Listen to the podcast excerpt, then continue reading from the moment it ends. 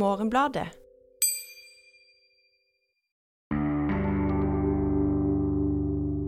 Er dette en fortapt mulighet til å si noe om norske forhold fordi en ikke har klart å liksom fylle det ut, da? Men kan det være at vi lever litt kjedeligere liv? I dag skal vi sette oss til bords med en helaftens spillefilm, i ordets mest bokstavelige forstand. Den nye norske dramakomedien Full dekning skildrer en parmiddag der alle gjestene blir enige om å dele alt som renner inn på telefonene i løpet av kvelden. Og om dette lyder kjent, så er det kanskje fordi den er basert på en populær italiensk film, 'Perfekte fremmede', som gikk på norske kinoer for en fem-seks år siden. Og den finnes ikke bare i en norsk versjon.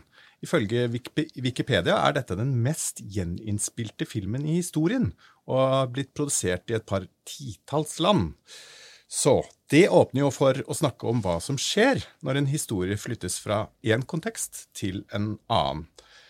Hvorfor er akkurat denne historien så attraktiv, og trenger vi en norsk versjon, Elise? Først og fremst tenker jeg jo at eh, det er alltid topp med et så lukka og strengt konsept. Du har eh, totalt er det vel syv, syv skuespillere det er snakk om, i ett rom over eh, en og en halv time. Du trenger ikke så mye av ressurser eller noe som helst. Du har et fiffig konsept. Oi, oi, oi, her skal vi dele alt som kommer og tikker inn på mobilen i løpet av en kveld. Fiffig nok til at en kan se hva som skjer da. Og så tenker jeg at eh, det er vel det. og med liksom gode skuespillere og litt fresh dialog, så kan en få til noe som er halvveis interessant. Men om en trenger en norsk versjon, det, Ja. det er jeg ikke sikker på. Treffer den norske versjonen, Aksel? Jeg har Jeg syns ikke det.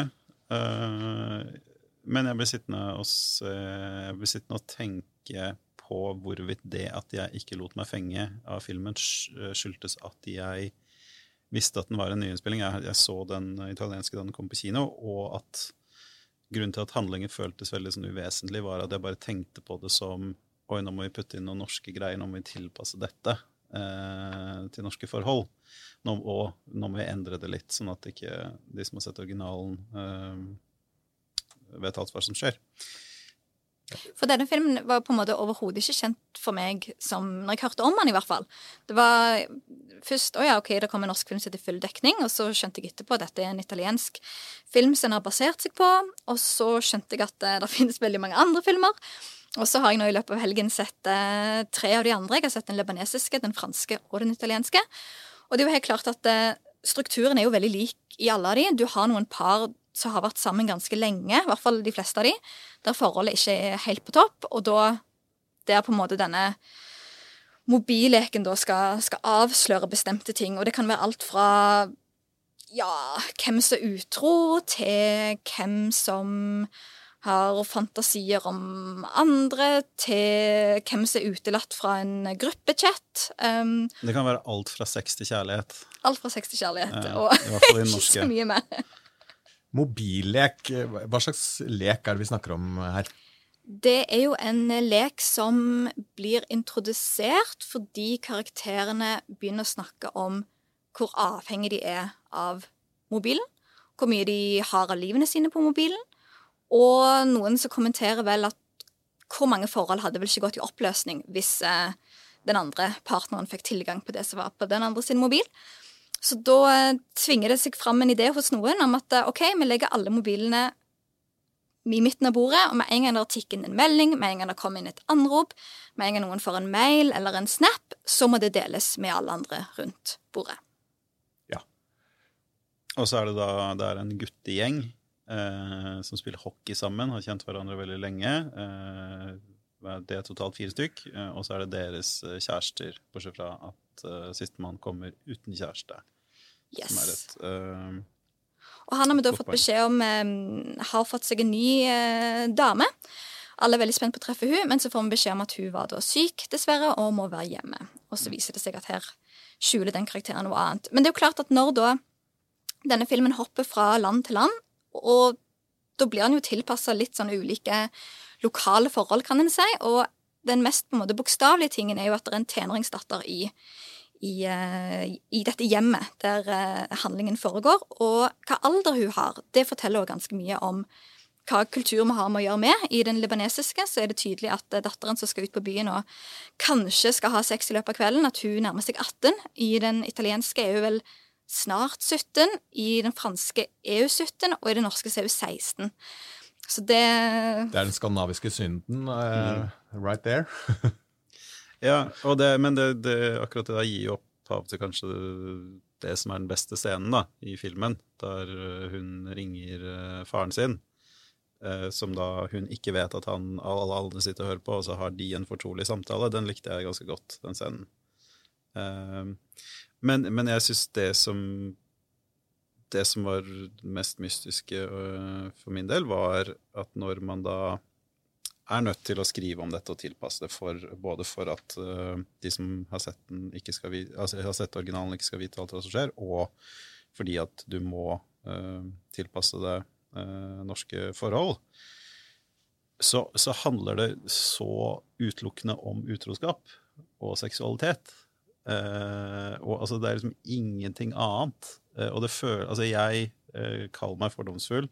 Jeg har større tro på at dette er en større del av italieneres liv. enn Utroskap? ja, enn norske. Eller i hvert fall altså, Kanskje ikke utroskap som sådan, men utroskap som en litt sånn Akkurat som i franske filmer. Det er litt sånn der herlig pikant detalj. Ja, ja, vi driver alle med det. Altså, det er jo en sjanger i fransk film. Kanskje ikke så mye italiensk film. Men at på norsk så har vi et mindre sånn eh, Vi syns det er fælere når det skjer, eh, og vi har et mer liksom har et mindre, Det er mindre av en kunstform i Norge. Ja, for det er noe interessant. Vil jeg si, og jeg vil tippe at uh, mange italienere er enig. Og mindre av en populærkulturell størrelse òg, kanskje? Altså at den, ja. at den dominerer ikke måten vi Nei, det er ikke liksom Og det er på om for en, en har en, en, en vet ikke, et, et, samfunn som i større grad er basert på at hvis, hvis det er ting som ikke funker, så kan gå fra hverandre, men i vet ikke, land du kommer der Eller du kan jo ha absolutt utroskap av alle slags type grunner òg, men det er noe med liksom, hva er det som er bytta ut, og hva er det som er beholdt, og i det norske. Og der tenker jeg for eksempel, en klassisk sånn, Dette hadde aldri gått i liksom, Nord-Europa, er jo at en av disse mørke hemmelighetene som kommer for dagen, er jo at konen i det ene parforholdet hun eh, har i det skjulte prøvd å overføre moren til mannen som bor hjemme hos de, på et pleiehjem. Nå snakker du om hvilken versjon? Nå snakker jeg om eh, den italienske versjonen ja. og den franske versjonen og den mm. libanesiske versjonen. At i disse landene så er det veldig tydelig det er en irriterende svigermor som bor hjemme hos de. Hun kunne takle det ikke, hun vil ha henne ut. Det har de da funnet i det norske. Det kan vi ikke leve med. Det, det får vi ikke til å funke. Sånn at eh, Nei, Så det, det, løser den ved å bare egentlig ignorere Anne Marie Ottersen, som spiller denne Ward, og liksom knapt la henne liksom se ut som seg selv? Altså det ja. Filmes bare på avstand. Yes, sånn... så hun er bare med som en sånn søt bestemor. Ja. Men det han erstatter da med, for du, du, må jo fylle inn med noe annet, og det, det her føler jeg at det, uh, dette også sier mye om den norske filmen, er at i stedet så blir det klart at hun planlegger en venninnetur til London i førjulstiden. Fra onsdag til søndag. Med en kreftsyk venninne, så hun fortjener jo å ta seg litt fri. Og der er det noe med stakesene som bare ramler helt i grøften. Det, Ikke, ja. Hun har ikke engang booka billetter.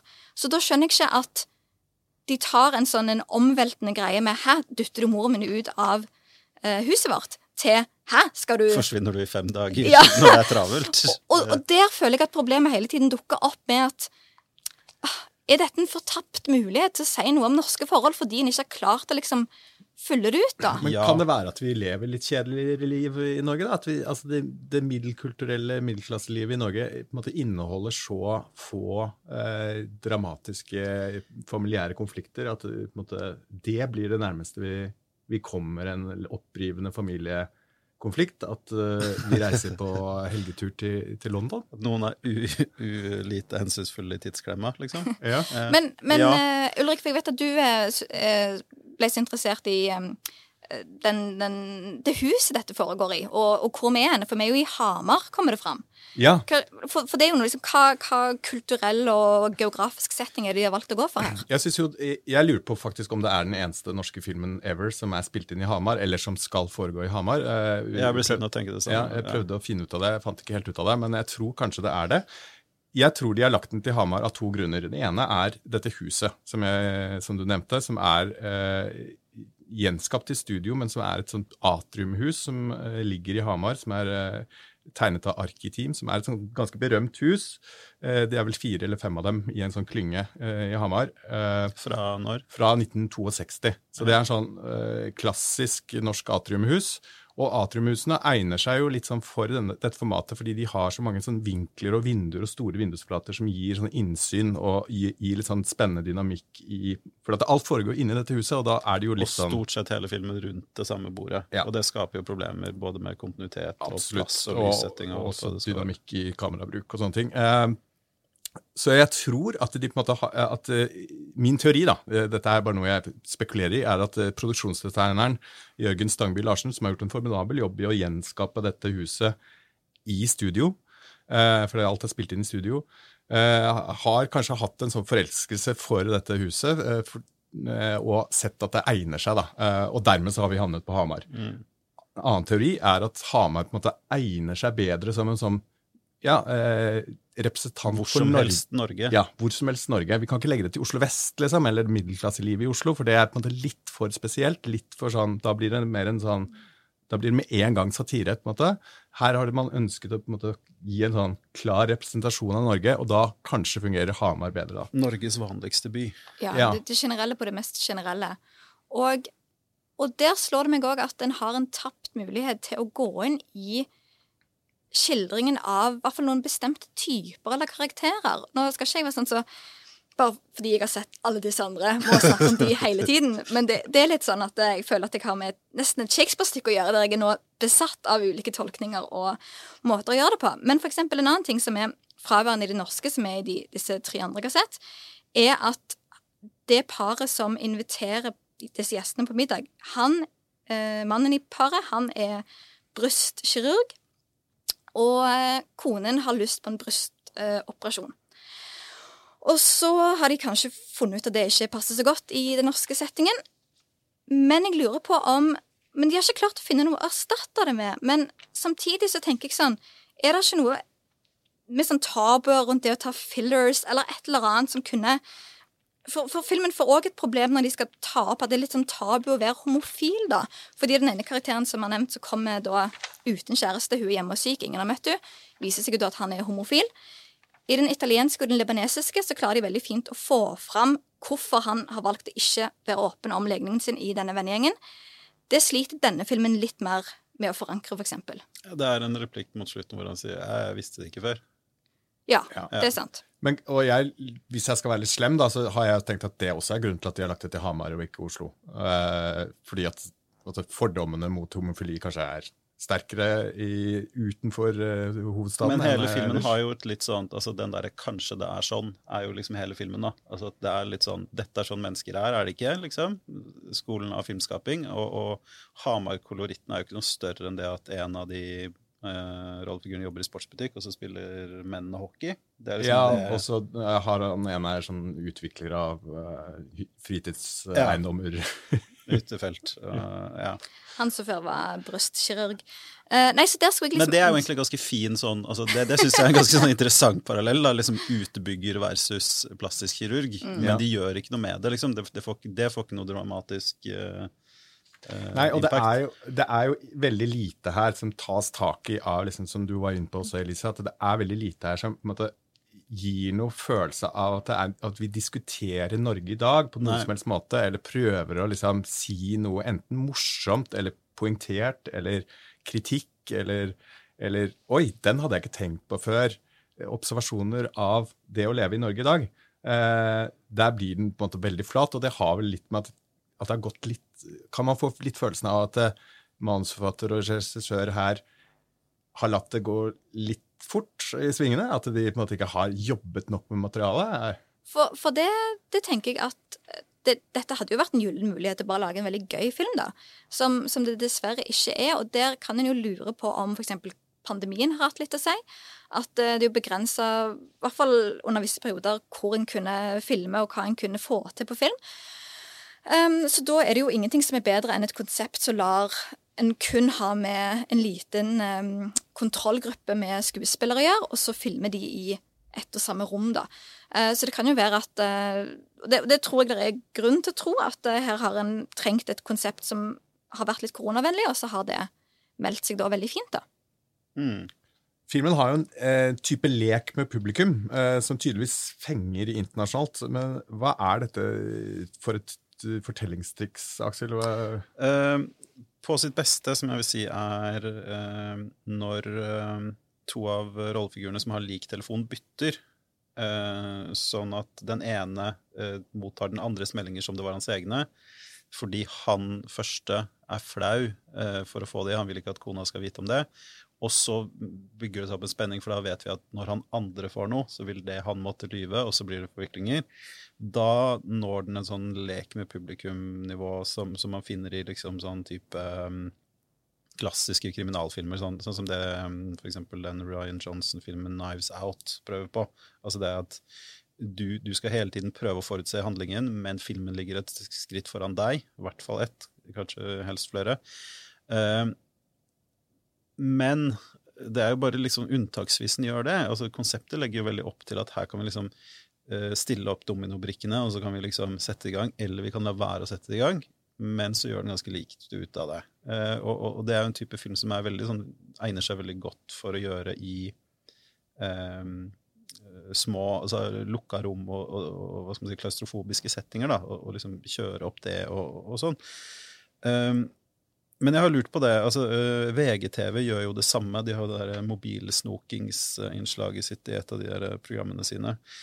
Uh, så det er jo, altså Jeg skjønner jo det grunnleggende liksom, aspektet ved liksom, dette her er interessant. Liksom, sånn som du skriver i anmeldelsen din. også tenk om. liksom, Hvordan ville jeg reagert i samme situasjon? Er min uh, mobil presentabel? for de jeg er glad i. Um, men det er jo også en veldig forskjell på Eh, at dette skjer med faktiske mennesker, da, sånn som de gjør når man gjør det på, på reality-TV, eh, og uh, fiksjonsfigurer som vi fiktive figurer som vi nettopp har blitt uh, introdusert for, og som er liksom designa for å fremstå som uh, generelle nordmenn, da. Ja. Og kan jeg bare skyte en kjapp det der teknologiaspektet? Dette er en film som kom i 2016. Det er jo noen år siden. Mm. Og smarttelefonene har jo endra seg litt ut ifra det. Det slår meg òg er det òg en litt forspilt mulighet til at hvis en går ut ifra at vi skal dele alt som kommer inn på mobil, så ville jeg gjerne hatt noen gøye nyhetsvarslinger eller um, noen Daterer du filmen, vet du? Ja. I know, men jeg føler at med den mobilleken, og at vi ser disse mobilene hele tiden, så daterer en det mm. uansett, da. Men om en ah, der òg eh, har en at bare òg konseptet er litt dølt allerede nå, da. Ja, den er litt 2016, på en måte. Uh, altså, det føltes sikkert litt friskere da, den italienske versjonen kom, da. Uh, altså det konseptet om at liksom, ja, smarttelefonen har på en måte overtatt livene våre, og inneholder livene våre også. Det er en observasjon som i dag kanskje er litt sånn ja ja, mm, den har vi hørt før, da. Eh, jeg tenkte også litt på dette her med dette konseptet og måten den er, virker så pirrende på folk. For jeg har, var en venninne av venninne av meg som, som, sa liksom Å, jeg gleder meg til den filmen der. Liksom. Da, så det er jo noe med den type konsepter som, måte, som, er lett å måte, definere og lett å beskrive folk. Og det fikk meg til å tenke på det konseptet som heter high concept-filmer, som ble etablert i Hollywood på 80-tallet. Uh, og som på en måte blir kjent som sånne storbudsjetts, veldig uh, lettpitchete konflikter. da. Uh, Filmer du kan pitche i en heis. Ja, ikke sant. men at dette her er på en måte en slags europeisk forlengning av det, som, som jeg lurer på om man kunne kalle for cute concept, eller noe sånt, da, som er sånn passe finurlige, komiske og sånn enkelt forståelige sånn, hva om-filmer. Det ligner litt på også Et glass til, fikk jeg en sånn assosiasjon til, som også er en film som kommer til å bli nyinnspilt i USA. Eh, som også har et sånt ja, hva om eh, Tankeeksperiment. Ja, tankeeksperiment ja, rundt kan. en vennegjeng. Eh, og, som har, og så er det et litt eksistensielt alvor i bunnen. ikke sant? At det er noe som ikke går helt sånn som man skal. Så man, har, man føler seg liksom intellektuelt litt stimulert, eh, som alle europeiske filmer skal Men gjøre. Men så kan en òg ende opp med å bli litt lurt, fordi av alle, alle de ulike nasjonale filmene, så får en jo inntrykk av at dette er, en, uh, dette er et gøy skue. Og det ligger jo så mye på en måte dysfunksjonelle parforhold og tragedie i bunn, sånn at du har kanskje et morsomt konsept og utgangspunkt, men som film så føler jeg at en kanskje overselger filmen når en, eller konseptet i seg sjøl når en prøver å pitche dette som en komedie. Ja, for vi lo kanskje ikke all verdens Og jeg, jeg lo veldig av en replikk eh, hvor hun ene sa, som er ulykkelig, sier at eh, de går på tangokurs og får masse skryt. Ja, Eh, det er en karakter som, som bryter sammen fordi at den, Mm. hun trodde jo at de var så lykkelige. Og ikke bare får de mye skryt, men de blir fortalt at de er de beste på kurset. Eh, da den- lå jeg ganske bra, men det var sånn halvannen time ut, da. Ja. Jeg tror eh, det var det vi fikk snakket ut om eh, denne middagssekvensen, som heter da eh, Full dekning. Har vi noen anbefalinger til slutt, Lise? Ja, jeg eh, ble eh, via Eller det, en, jeg føler jo at liksom Det er jo så mye dramatikk i det å sitte rundt eh, et bord og snakke med folk, eller det å være sammen med andre mennesker, og så plutselig um, går ting til helvete. Og Sally Potter sin film The Party fra 2017 er jo òg et eksempel på en sånn type film, der uh, en liten gruppe mennesker uh, ja, ting ikke går så bra. Og jeg tenker at liksom, igjen, det viser liksom Har du gode skuespillere, og uh, er du i gode hender, så fungerer det kjempebra, altså. Så um, The Party, Sally Potter. Ja, jeg hadde ikke i meg til å se flere innspillinger av uh, Hva het den? Uh, Perfekte fremmede. Så jeg så en annen sånn uh, eh, venn, Gamle venner spiser middag i et hus-film, eh, nemlig Karen Kusamas The Invitation, som er en eh, Ja, det er vel en thriller, grøsser. Uh, med veldig lik setting. Det var sånn underlig å se at det starta på sånn måte med et par som kjører inn til middagen, og så er det rar stemning. Også. Men så er det eh, Det går mer galt og er mer interessant. Nå var det like før jeg anbefalte Sierra Nevada av Christy Puyo, som også er en sånn eh, familiesetting med Eller uh, middagssetting, riktignok en familie, hvor kamerabruken Ja, på en måte er til en, i en helt annen liga. da. Men jeg skal ikke anbefale den, selv om den er anbefalesverdig. Jeg vil anbefale High Concept. Eh, Don Simpson and the Hollywood Excess, som nettopp er en bok eh, som er riktignok 15-20 år gammel, som, som beskriver eh, hvordan dette eh, high concept-begrepet ble etablert ved Hollywood, og særlig da Don Simpson, som var en sånn eh, Hollywood-produsent eh, av den legendariske sorten. Eh, brukte kokain til den store gullmedaljen, og, og har etablert veldig mange av disse store filmfranchisene i Hollywood, og på mange måter liksom hvordan vi tenker om blockbuster-filmen eh, i Hollywood i dag. Så den eh, er anbefalesverdig og veldig morsom lesning. Det var alt vi fikk til i dag. Eh, Du kan gå inn på morgenbadet.no og tegne abonnement og lese mer om film. Der er det anmeldelser og eh, også eh, Aksel Kiellands eh, TV-kritikkserie. Vi høres igjen neste